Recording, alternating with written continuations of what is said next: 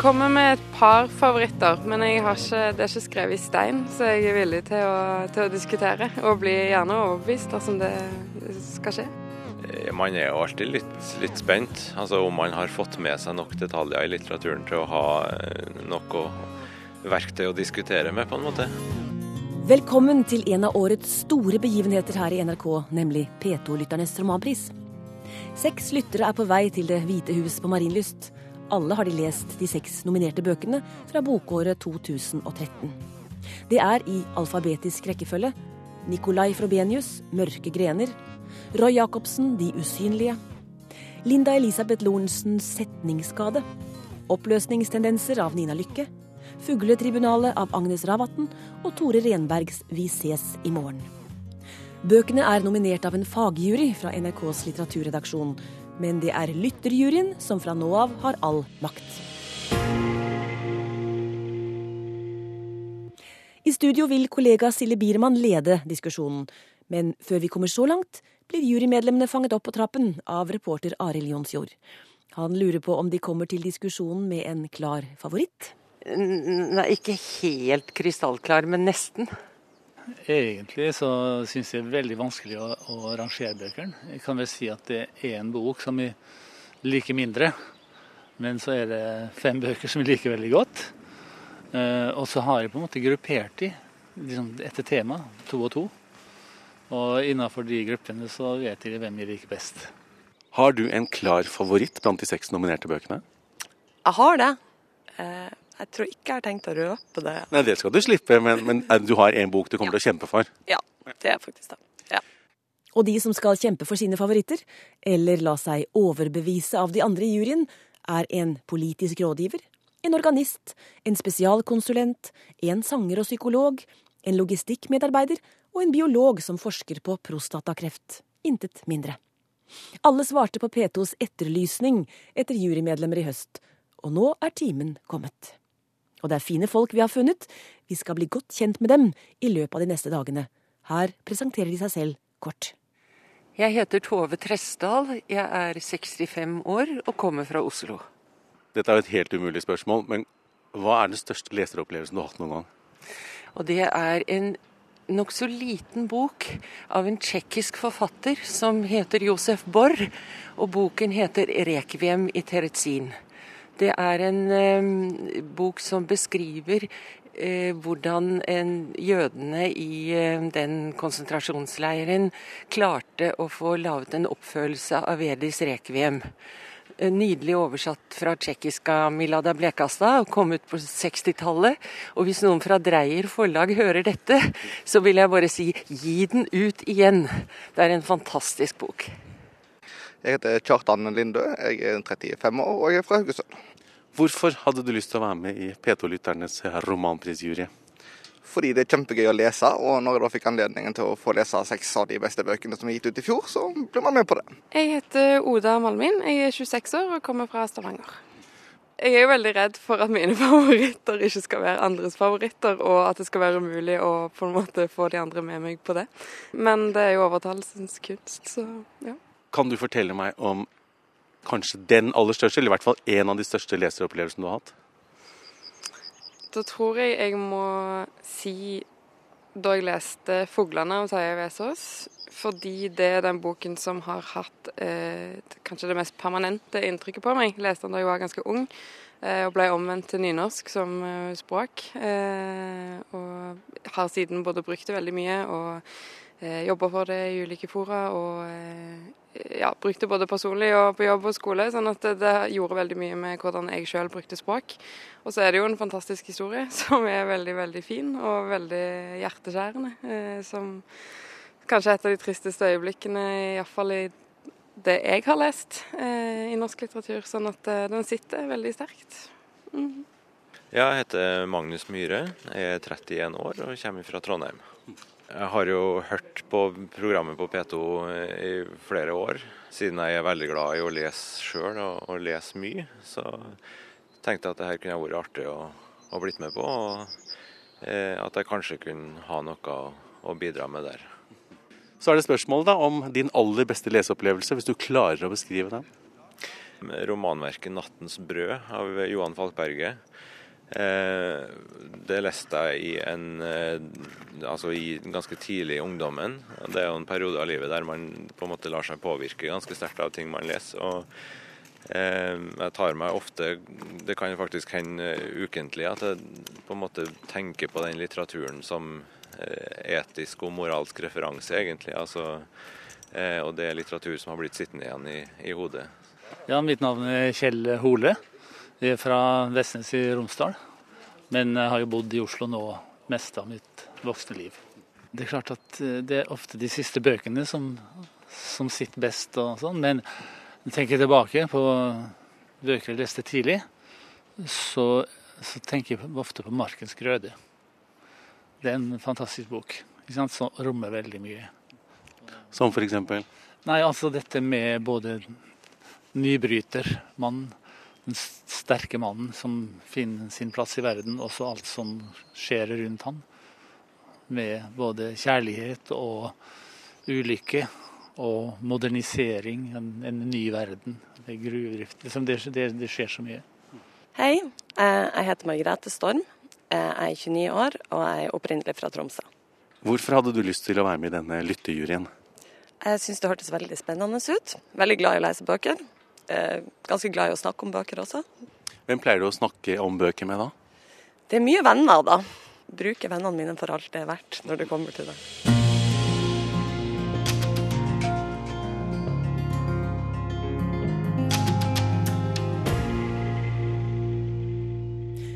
Gangen i disse diskusjonene, som går over flere dager, er følgende. I dag skal juryen diskutere Nina Lykkes oppløsningstendenser, De usynlige av Roy Jacobsen og Fugletribunalet av Agnes Ravatn. I morgen tar de for seg bøkene til Tore Renberg, Laila Lorentzen og Nicolai Frobenius. Deretter stemmes tre av bøkene ut, slik at vi står igjen med tre finalister på lørdag. Da kåres vinnerboken. Søndag blir det festivitas med prisoverrekkelse og intervju med vinneren. Oversikten over alle romanprisprogrammene kan du finne på nettsidene våre, og programmene kan selvfølgelig også høres i NRKs nettradio eller lastes ned som podkast. Men her og nå overlater jeg ordet til debattleder Sille Biermann i Studio 15. Da er vi samlet i studio. Alle har funnet sin plass, som helt sikkert kommer til å bli favorittplassen i løpet av kort tid. De seks nominerte bøkene ligger rundt omkring på, på, bordet her. De skal veies og måles og diskuteres og drøftes av dere. De seks edsvorne jurymedlemmene som sitter rundt bordet her nå. Og før vi er ferdig med hverandre, så er det én av disse bøkene som blir stående som vinneren av P2-lytternes romanpris 2013.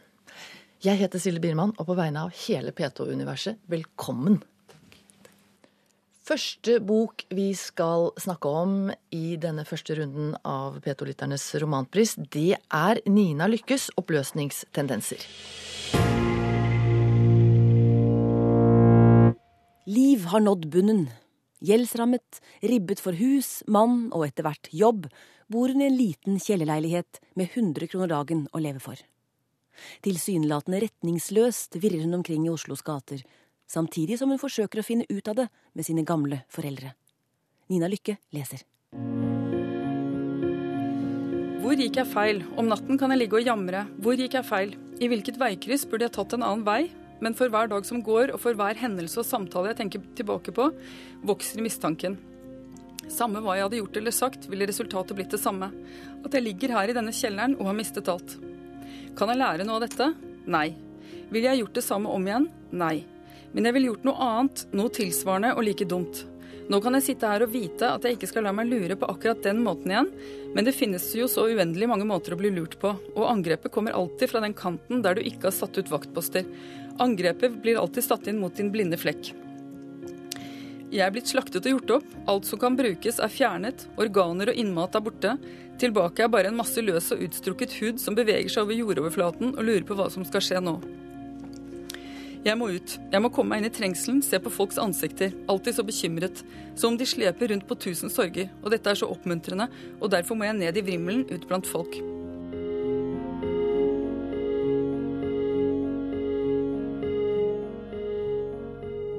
Liv, som altså er hovedpersonen i Nina Lykkes oppløsningstendenser, forsøker her å analysere sin egen situasjon og hva hun kan gjøre for å komme seg videre i livet. Tove, hva slags bok er dette? Jeg liker i grunnen det aller meste ved den. Jeg, lest, har lest den nesten to ganger.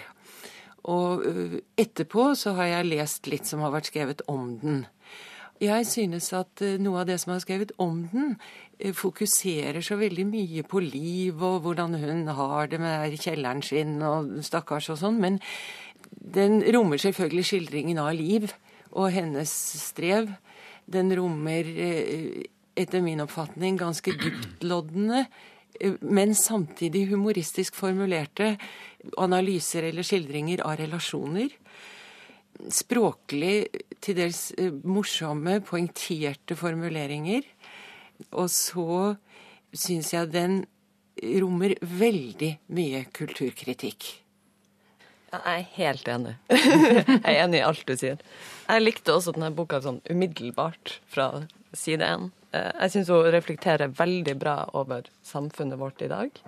Og på en måte det overfladiske, ikke bare i sånn materialistiske goder, men også det overfladiske i relasjoner mellom mennesker.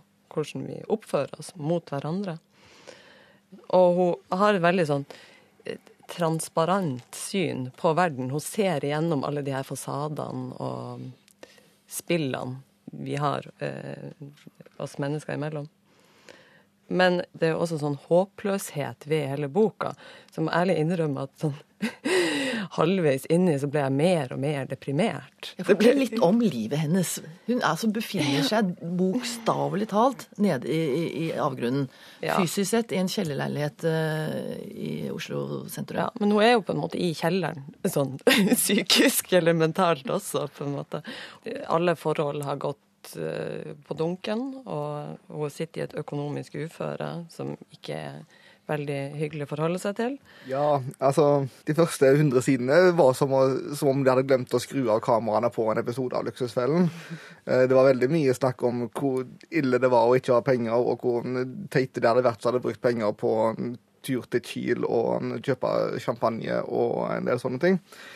Det er interessant nok, det, men, men hadde jeg vært interessert i å lese om det, så hadde jeg heller sett på Luksusfellen, for de gjør det faktisk bedre, syns jeg. da.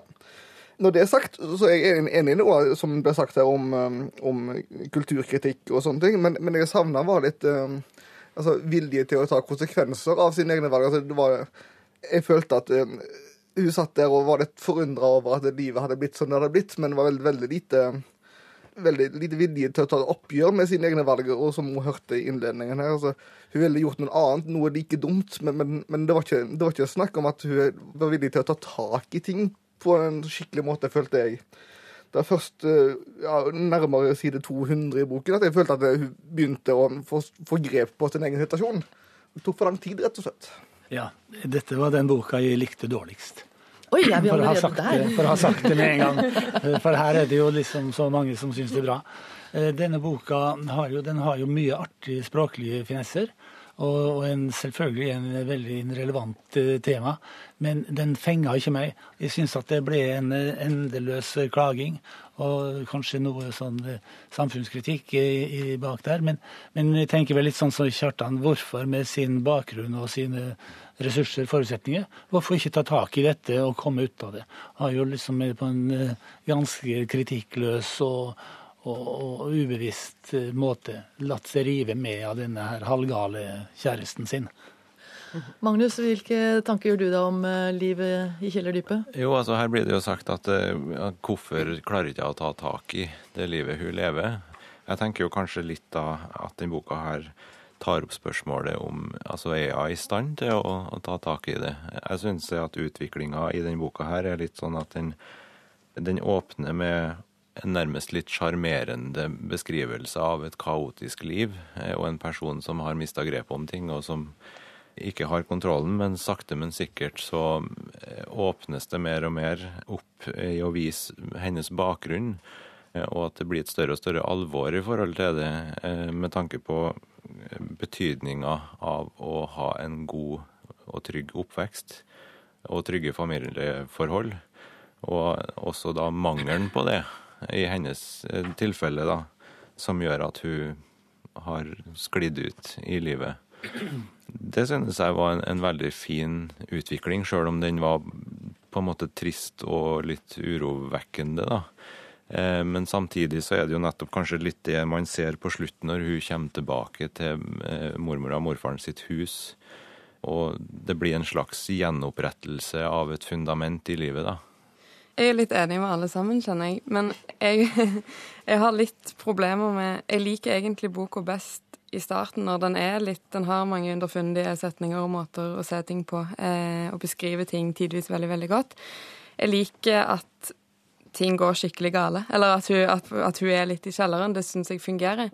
For min del så blir det litt enkelt når ting plutselig snur. Når hun plutselig får låne en million av sin far, eh, og plutselig har tenkt veldig, veldig veldig mye på hvor mye hun burde gjøre i det huset. En dag så drar hun opp dit og begynner å starte.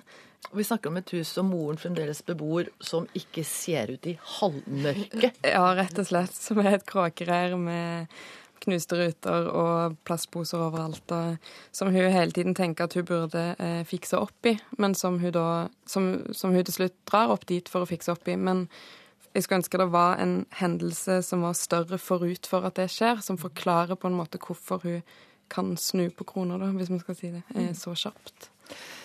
Tove, fortell litt om Livs bakgrunn. Altså, hva, Hvor startet livet hennes, og, og, og hvorfor endte hun i denne kjellerleiligheten?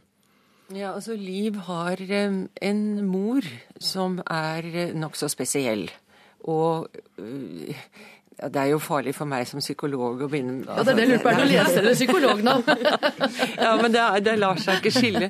Men altså, hun har en forholdsvis alvorlig personlighetsforstyrrelse, er mitt bestemte inntrykk. Og har vært uh, svært uh, utagerende og hatt veldig lite evne til å være mor. Ble gravid 18 år gammel med en mann som da er eh, vesentlig mer ryddig, advokatmann, mer distansert fra det hele. Og som da flytter fra dem når eh, Liv er tolv år gammel. Og da opplever Liv at da blir mamma hennes ansvar. Hun må prøve å sørge for at eh, når det kommer på besøk, at det ser sånn noenlunde ut hjemme hos dem. og hun beskriver hvordan hun satte frem kjeks og ting, og prøvde å få det til å se ut som om det var mamma som hadde gjort det. Og så har hun disse morsforeldrene da, som bor oppå Holmenkollen i en, en gammel tre, trevilla. Og de er veldig sånn eh, ordentlige folk, sikkert født sånn rundt 1910. Og de er helt opplagt en, en trygghetsfaktor for henne. Altså dette huset med disse mormor og morfar som lever et regelmessig sunt og sedelig liv. Men de har ikke så mye å bidra med til henne når hun kommer dit og er fortvila over krangler med moren og sånn. Da sier mormor at ja ja, den klokeste gir seg. Så hun har ikke, ikke noe sted i oppveksten sin hvor hun kan komme og bare være liten og som hun på mange måter lengter etter, for så vidt gjennom hele boken. Hun skulle ønske at hun hadde vært sengehveter, i det minste, liksom. Men hun blir, hun blir flink, og hun blir stor, og hun blir mestrende. Inntil hun får dette krakket, da, i begynnelsen av boken her. Kjell, når du hører psykolog og leser Tove analysere Livs barndom og oppvekst her, så skjønner du at det ikke så lett bare å ja, komme og gripe fatt i sitt eget uh, nakkeskinn og hive seg ut i livet. Det er vanskelig, vet du. Mm. Men nå har jeg slått opp på side 199 ja. i boka, for der skriver hun, etter å ha vært på besøk hos faren, så skriver hun Foreldrene mine befinner seg i hver sin ende av skalaen, der mamma graver konflikter ut av løse luften. Vil pappa ikke snakke om noe som er så vanskelig, eller om noe som hendte for mer enn en uke siden. Med pappa må jeg strekke meg til én kant, med mamma må jeg strekke meg til en helt annen kant. Det er derfor jeg har blitt så løs i flesket, så ustrukturert og tynn i huden, fordi jeg har strukket meg fra den ene ytterligheten til den andre og tilbake igjen, osv. Så, videre.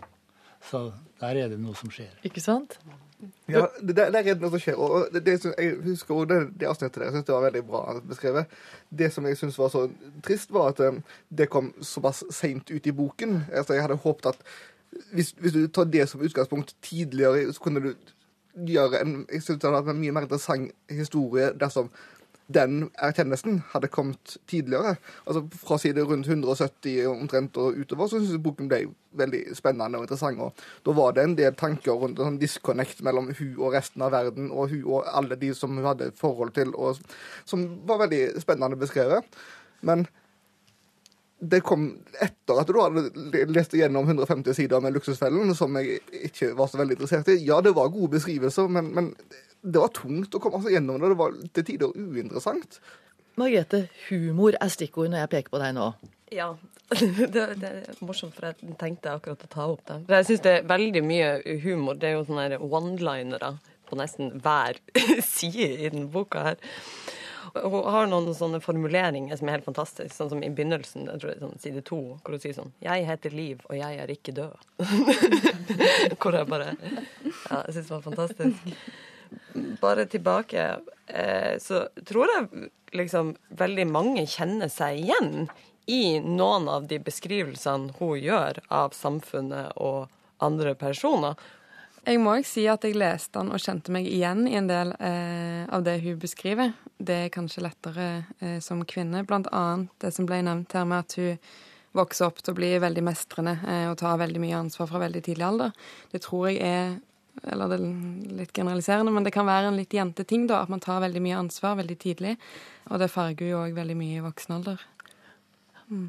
Det er jo en bok som tilsynelatende er eh, befolket av usympatiske mennesker. Altså Livet holder jo på med sitt, og så har vi da martyrmor, og så har vi da han derre eh, selvopptatte far, og så har vi kjipevenninnen. Hun drar jo på hyttetur med venninne som hun tror liksom hun skal snylte på en hel helg, og så får hun bare den feite regningen for de skulle dele alt. Magnus, hvilken leseopplevelse har du når du liksom er blant disse menneskene her? Liker du dem? Ja, jeg gjør jo for så vidt det. Altså fordi at de eh, tør å være ærlige, da.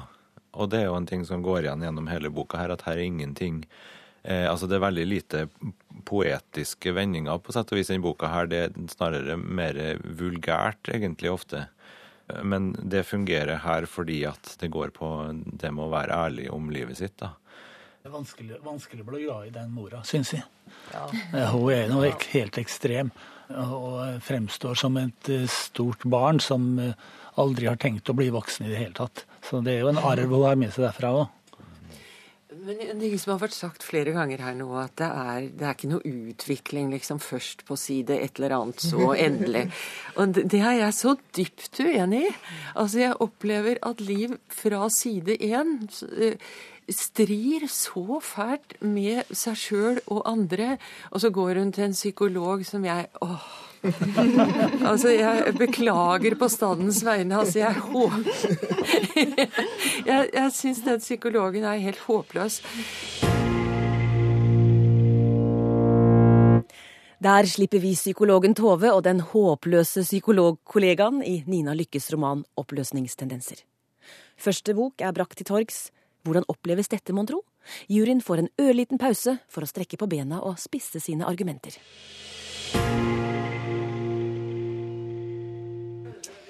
Ja, Magnus og Margrethe, får dere sagt det dere vil her inne? Jeg prøver jo det, men det er jo alltid sånn at man eh, kommer på etterpå at man kunne ha sagt ting på en annen måte, kanskje. For å få fram det man helst vil få fram. Men, eh, men eh, jeg syns jo stort sett at det har gått greit så langt. Ja, jeg føler også at jeg kunne sagt veldig mye mer. Jeg kunne, jeg kunne sikkert hatt et show alene. Nei da. Vi har jo lest de her bøkene og brukt veldig mye tid på det, så man har jo danna seg veldig mange meninger. Og nå, Det er jo veldig spennende å høre hva andre sier, og da jeg kunne diskutert enda mer.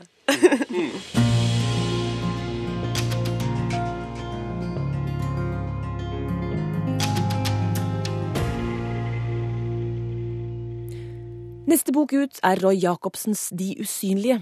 Her er juryens umiddelbare reaksjon på den. Fargesterk. Tidløs. Trygg. Ja, jeg har ikke ord.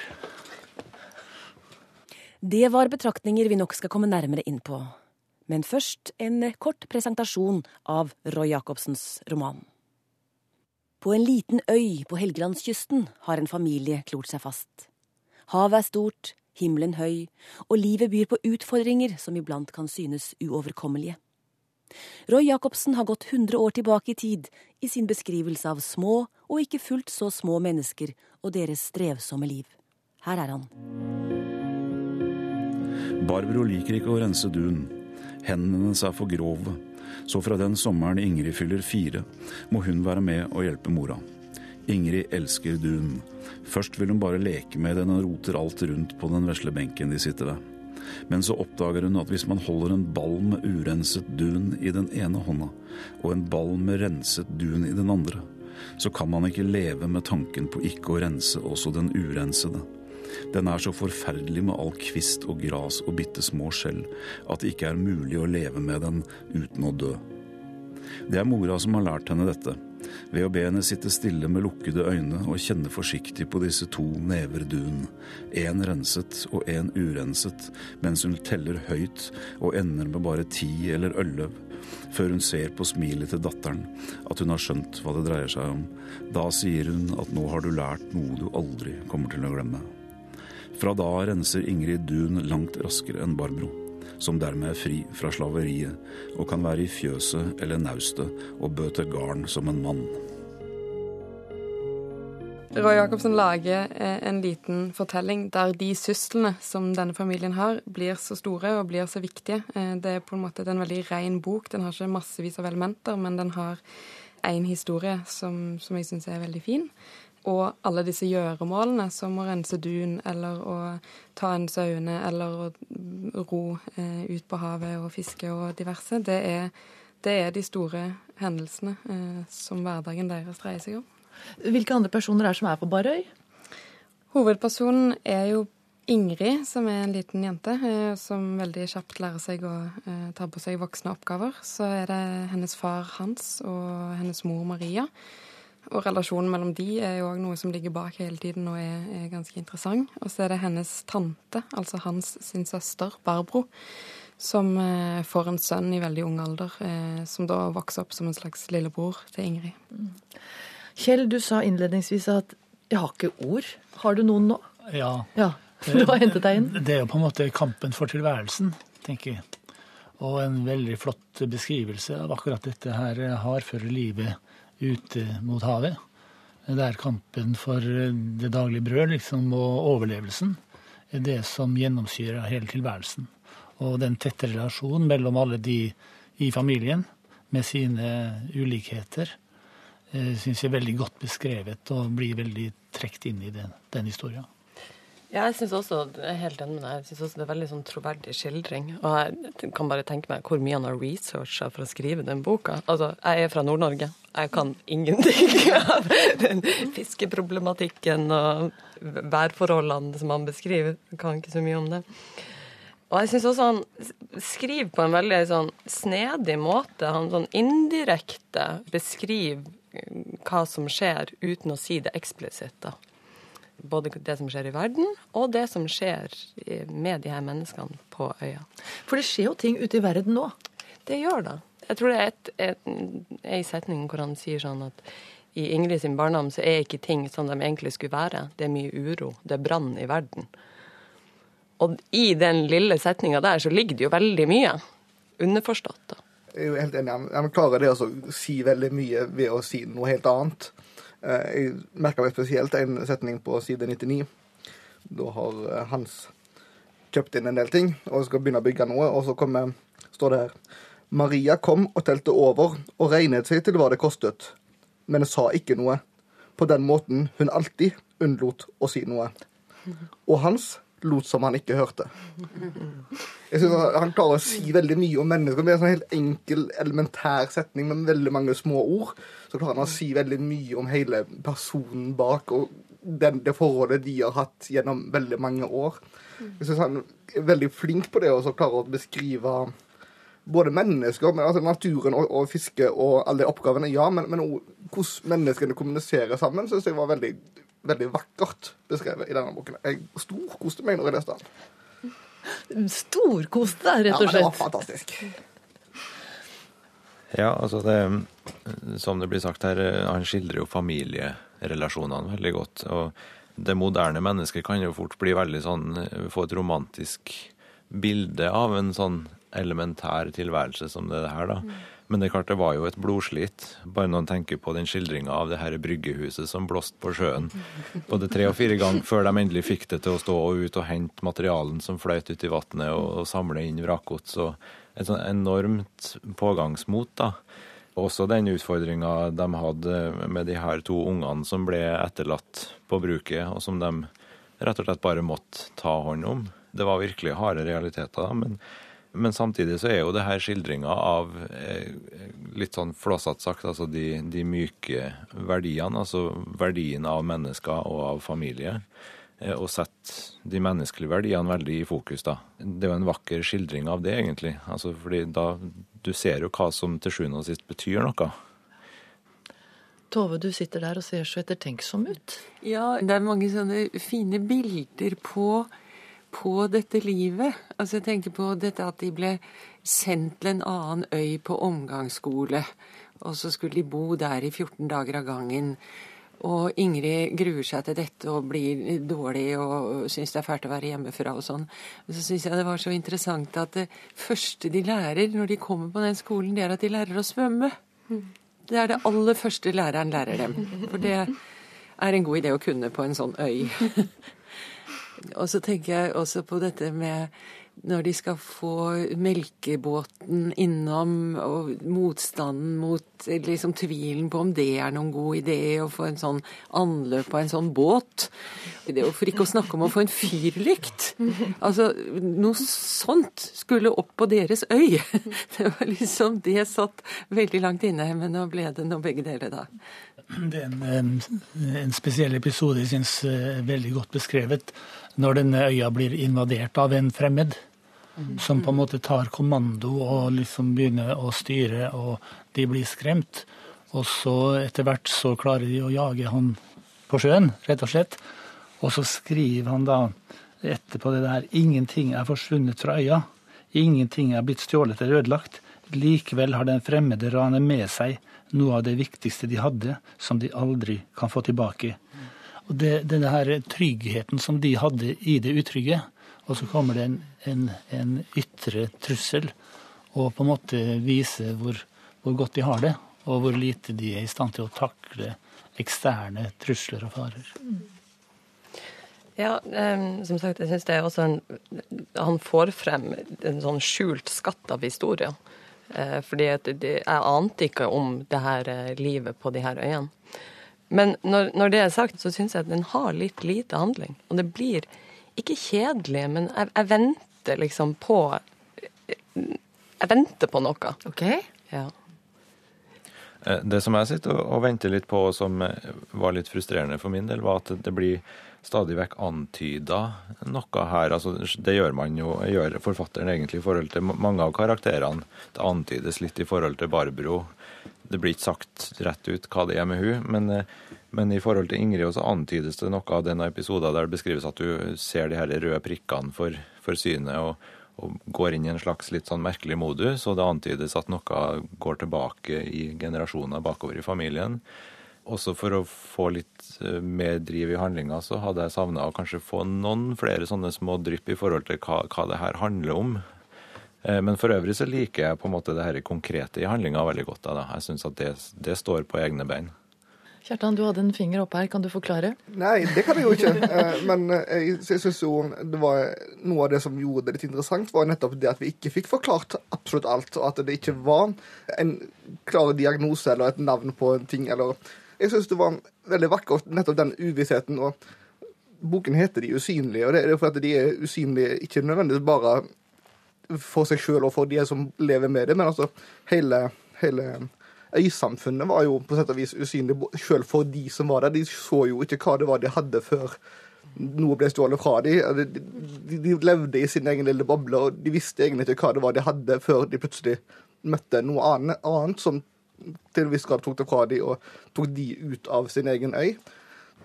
Ja, i forlengelsen litt av det Kjartan Line sier, så jeg syns Roy Jacobsen han beskriver jo eh, veldig mye hvordan de på en måte strever etter å gjøre fremskritt, og han har en ror etter all slags mulige ting han kan hente inn på øya for å gjøre ting lettere, eller for å ja, for å gjøre teknologiske fremskritt, kan man kanskje kalle det. Men hvor mer han gjør det, hvor verre blir på en måte ting òg, syns jeg. Altså, det, det, kompliserer det, og det, det, skaper ulykker, og det skaper enda mer strev. Eh, så det er, litt, det er litt paradoksalt at den der lengten etter moderne redskap eller teknologi, den, den forstørrer egentlig eh, livet der litt.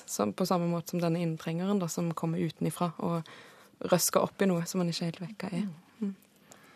Det sies jo mot, eh, mot, slutten av boka at eh, både Hans og Maria hadde noen drømmer.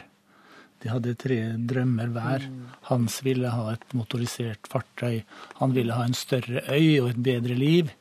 Og Maria ville ha flere barn eh, og ville også ha et annet liv. Og, så, samtidig så, så, opplever vi forstått gjennom beskrivelsen at de er veldig fortrolige med, med det livet de har. Altså de kjemper sin daglige kamp, men så har de da noen drømmer som de ikke får realisert. Er det en fare i at vi som moderne lesere henvender oss inn i dette universet, og så lever vi litt sånn ja, ja, ja, sånn var det den gangen, og ja, ja. De visste ikke bedre, de, for de var jo litt gammeldags, og det var jo langt fra sivilisasjonen. Er det en litt sånn distanse som kan uh, ikke gi kanskje dette universet yde nok rettferdighet? Jeg opplever ikke det. Fordi jeg opplever at Roy Jacobsen sørger for at det ikke blir sånn. Med den respekten som forfatterstemmen her viser for, for de menneskene og for det livet, livet de levde. Jeg har for øvrig lyst til å tilføye at jeg er ikke enig med den her i sted som sa at det var lite handling. Jeg syns det er masse handling. Det er bare det at handlingen foregår på et sted hvor det er få mennesker og få ting handlingen ligger i alle disse enkle eh, torv og dun og poteter og anløp og ikke-anløp og ja. Og at handlingen gjentar seg år etter år. Mm. Det minner meg egentlig litt om å lese Olav Duun eller Johan Boyer eller for den del Jonas Lie. Altså, det kunne ha vært det. Både med tanke på den historiske ramma her inne, og også språket. da. Eh, men i den la oss si, gamle litteraturen så synes jeg ofte at, eh, at man går litt for fort forbi hva folk egentlig tenker og føler. Altså, Familiemedlemmer døde, og sånn var det, og det var den harde virkeligheten. Men her så skildrer en jo faktisk at når noen går bort, så er det ei sorg, og det går inn på dem. Og likeens når den her eh, ja, fredløse eller kriminelle kommer og invaderer huset deres. Altså, det var ikke bare noe som liksom Sånn var det da, men det gjorde faktisk et inntrykk på dem, og det, det satt en støkk i dem. Så det at han tar seg tid til å vise at også den gangen var man berørt av sin egen skjebne, for å si det sånn, det, det syns jeg er fint, for det gjør det mer troverdig å lese.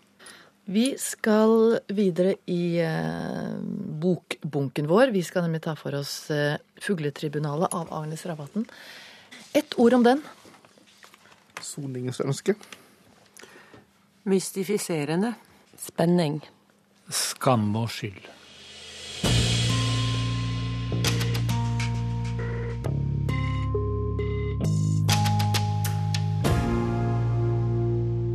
TV-stjernen Alice Hagtorn har rømt fra en sexskandale i hovedstaden. Hun tar inn hos en mann som har søkt etter hjelp i huset i en vestlandsfjord. Han er yngre enn hun hadde trodd, og slett ikke pleietrengende. Men hvem er han, og hva er det han skjuler? Agnes Ravatn leser fra starten av romanen.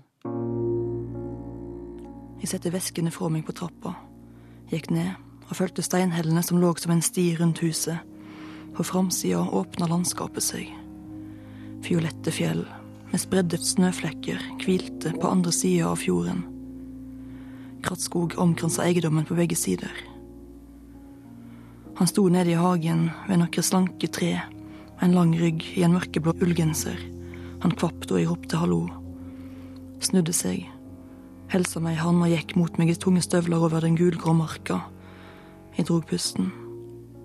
Et ansikt og en kropp i 40-åra en stad. Han så ikke ut til å være det minste pleietrengende.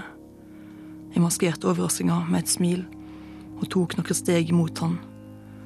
Han var grovbygd og mørk. Så meg ikke rett inn i øynene, men forbi da han strekte ut neven. Sigurd Bagge. Alice Hagtorn, sa jeg, og trykte den store handa hans lett.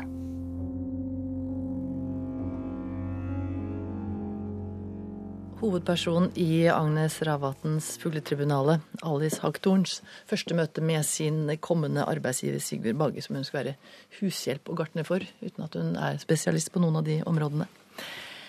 Margrethe, nå er det nesten bare én ting å spørre om. Hva skjer? Kan, kan, jeg si det, da?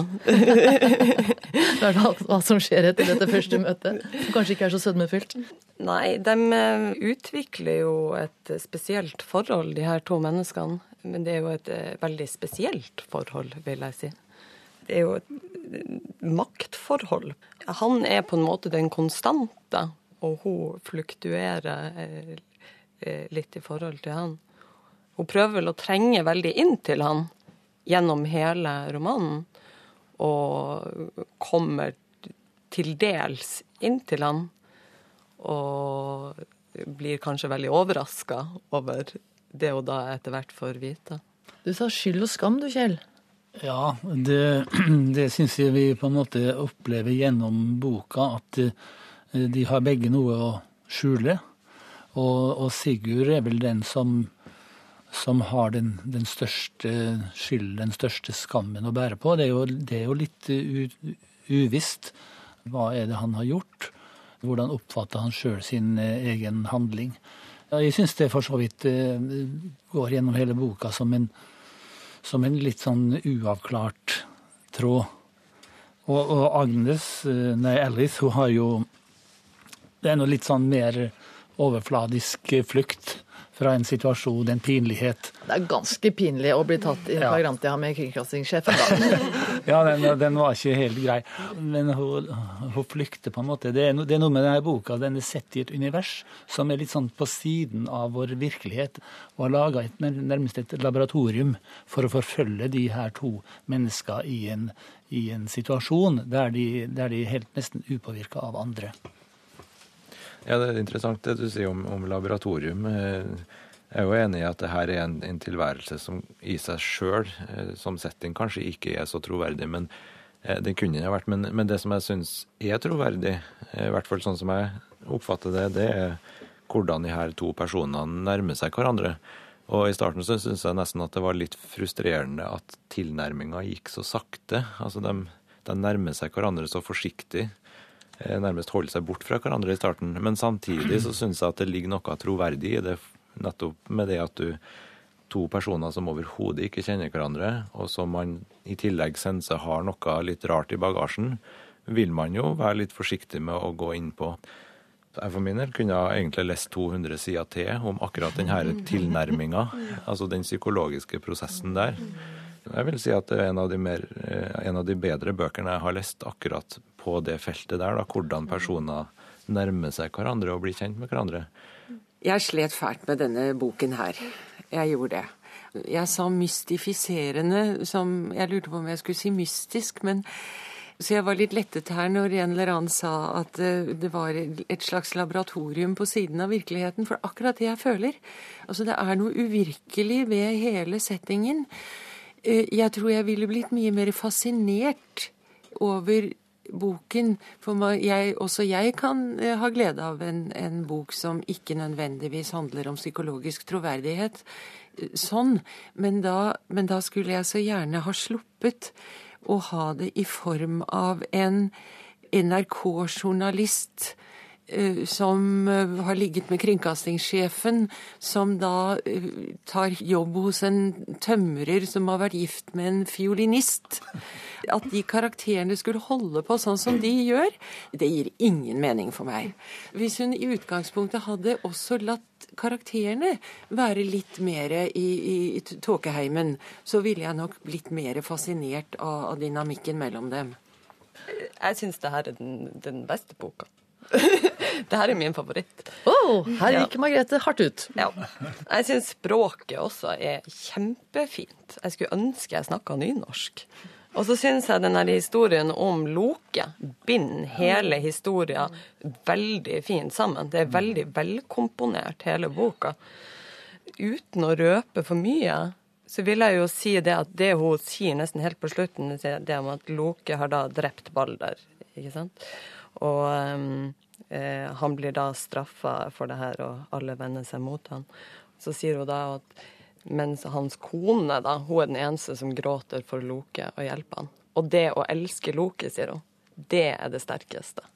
Og så sier han eh, ja, Hvordan blir dette? For kona hans fratar han. Det er jo Sigurd sin, sin dom. Kona fratar Loke muligheten for å sone. Ja. For, for Loke skulle sone for sin ugjerning. Ja, altså, Det er jo det jeg òg sa som et ord for å oppsummere boken, var jo soningsønske. Og det var jo litt forskjellige måter man uh, tilnærma seg det. Men både Alice og Sigurd følte jo at de hadde gjort noe som fortjente soning, selv om de kanskje kunne kommet seg unna med det. og de, Alle helt sikkert kunne klart å stå av stormen hvis hun hadde villet, men, men hun følte sjøl at det hun hadde gjort, fortjente en slags soning. Og Sigurd hadde vel òg et ønske, og det var det kanskje det som gjorde at han holdt litt, tilbake i, um, i begynnelsen av boken, i alle fall. Og så etter hvert så kom de jo nærmere hverandre på flere, flere måter. Og jeg syns det var veldig interessant den det eksperimentet, da, altså to stykker som begge to ønsker å ta konsekvensene av gamle feil, og så bruker de hverandre til å så unnagjøre soningen med da, overfor hverandre. og altså, Det er veldig få romaner jeg har lest som har soningsønske som, som sin, en av sine kjerne, kjernetema. Da. Det syns jeg var veldig uvant. og jeg, Det var en av de romanene som kanskje ga meg mest sånn personlig, da. Og språket som jeg nevnte, jeg likte språket. Det var helt fantastisk. Og det var deilig å høre det med skikkelig vestlandsk dialekt. Og, og så en siste ting. Jeg syns det der en fugletribunalet, som òg ja. var en del av drømmen, uh, var helt fantastisk. Da, da smilte jeg fra øre til øre. Jeg skjønte vel hvor man var på vei hen etter hvert, men, men, men det, det syns jeg var veldig godt gjennomført. Jeg syns den, den virka veldig bra. Ja, enig. Og så forteller han den som, en, som nesten som en historie fra virkeligheten, ja. før han avslører at det var en drøm. Mm. Ja. ja. jeg liker òg denne boken veldig godt, men jeg skjønner hva Tove mener. Jeg tror det er litt tilfeldig. Eh, det er andre bøker vi har, eh, eller skal snakke om, hvor jeg ikke syns at det fungerer så bra, men her så klarer jeg på en måte det er litt stilisert, dette her, eller at det, hun er en NRK-journalist og alt dette her, men det, jeg klarer veldig lett å legge det vekk, og så blir det uviktig. Det er på en måte, det er bare en slags, et påskudd for at man kommer inn i det den relasjonen mellom de to, og da det er virkelig det som, som tar plass i boken. Og det, det holder for meg, da, iallfall i, i denne sammenhengen. Og så ble det sagt innledningsvis at det handler veldig mye om makt, og det syns jeg er veldig spennende, fordi det er en vanvittig maktbalanse som pågår mellom de to hele tiden. Men så er det litt ironisk at hennes eh, synd, om vi skal kalle det det, er jo relativt sett veldig mye mindre enn det hans eh, ugjerning, eh, som vi opplever etter hvert, er. Men slutten av boken indikerer jo at, eh, at, det blir litt snudd på hodet, da. At det er den som må, kanskje må bote mest, er i utgangspunktet ikke den som har mest skyld. Mm. Ja, det jeg liker veldig godt, det er jo det at man her har et jeg-perspektiv i fortellinga. Men det som imidlertid kunne ha vært interessant, da, hvis man skulle bedt forfatteren om å gjøre noe i tillegg, det er jo en eh, deling der eh, Sigurd Bagge hadde fått vært jeg-person og fortelle mer direkte sin historie. For her blir jo han tross alt skildra gjennom Alice. Så i og med at man her er så tett på de to sine respektive livshistorier, så kunne det ha vært en ekstra brikke inn i det laboratoriet, for å holde fast på den metaforen. Ja.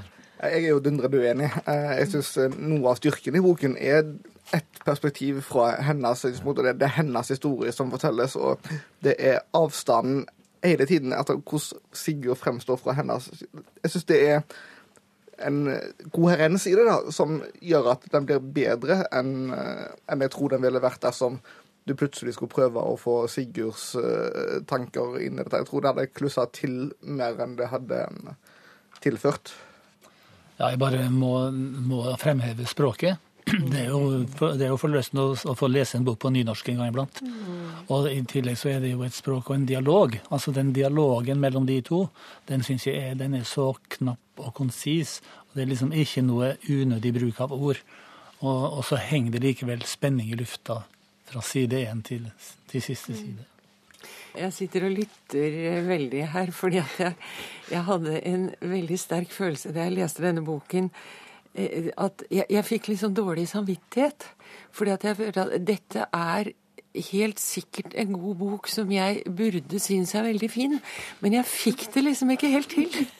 Og det hadde ikke bare med NRK-journalisten å gjøre, men, men det var noe, noe, veldig sånn slitsomt.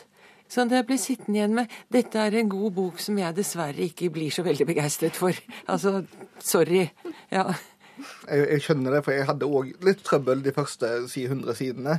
Hvor jeg ikke klarte å få grep på hva er det egentlig som foregår. Eh, jeg følte det var veldig stilisert og veldig knapp dialog, og det var veldig mye som var skjult blant de veldig få ordene. Men, men jeg syns når den, den fugletribunalet dukka opp, og jeg syns det tok seg opp der, og da, da fikk jeg etter hvert på plass ting, og jeg følte at det, det var en bok man måtte jobbe en del med. Synes jeg, og Derfor syns jeg òg at eh, belønningen når det kom til enden, ble en del større. Altså, Vi har andre bøker som er i utvalget her som kanskje ikke trengtes å jobbes like mye med, og dermed heller ikke endte opp med å gi så mye tilbake, følte jeg. Jeg syns at, at, slutten på boka på en måte var vanskelig, men først og fremst så var den overraskende. Mm. Eh, og jeg tenker vel at her hadde forfatteren et valg i forhold til at det kunne ha vært en happy ending, og det kunne være en mindre happy ending som det var.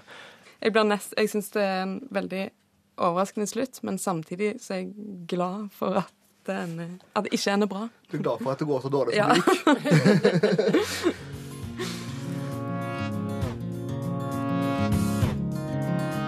Der setter vi strek for dagens diskusjon. Bøkene juryen har snakket om i dag, var Nina Lykkes 'Oppløsningstendenser', Roy Jacobsens 'De usynlige' og Agnes Ravatns 'Fugletribunalet'. I morgen møtes jurymedlemmene igjen, til samme tid, og da skal de snakke om Tore Renbergs 'Vi ses i morgen', Laila Elisabeth Lorentzens 'Setningsskade' og 'Mørke grener' av Nicolai Frobenius. Da blir det også klart hvilke tre bøker som går videre til finalen i P2-lytternes romanpris. Så følg med! Vi er litt, eh, åpenbart litt uenige om hva som er godt og dårlig. Og det får vi sikkert se mer av. Men jeg syns det, jeg synes det, nei, det er veldig artig dialog.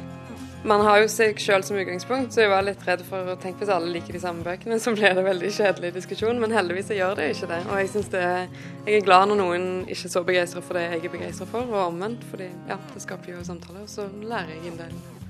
Jeg syns alle bøkene hadde en veldig bra standard. Det var veldig gøy å lese. Ja, jeg syns det var helt fantastisk, egentlig. fordi at da eh, Du får jo bare tildelt noen bøker som du sjøl ikke har valgt, og da blir du på en måte utfordra på dine egne fordommer i forhold til noe litteratur. Og så eh, når du da leser seks eh, til dels ulike bøker sånn på rappen, så blir du også tvunget til å tenke veldig bevisst gjennom hva som skiller ulik litteratur. Så det er jo rent litterær, litterærfaglig en veldig interessant prosess da, med bevisstgjøring på hva man sjøl tenker om litteratur. Alle disse seks bøkene kommer til å sitte på en helt annen måte enn veldig mye annet jeg har lest. Det er veldig, veldig stas.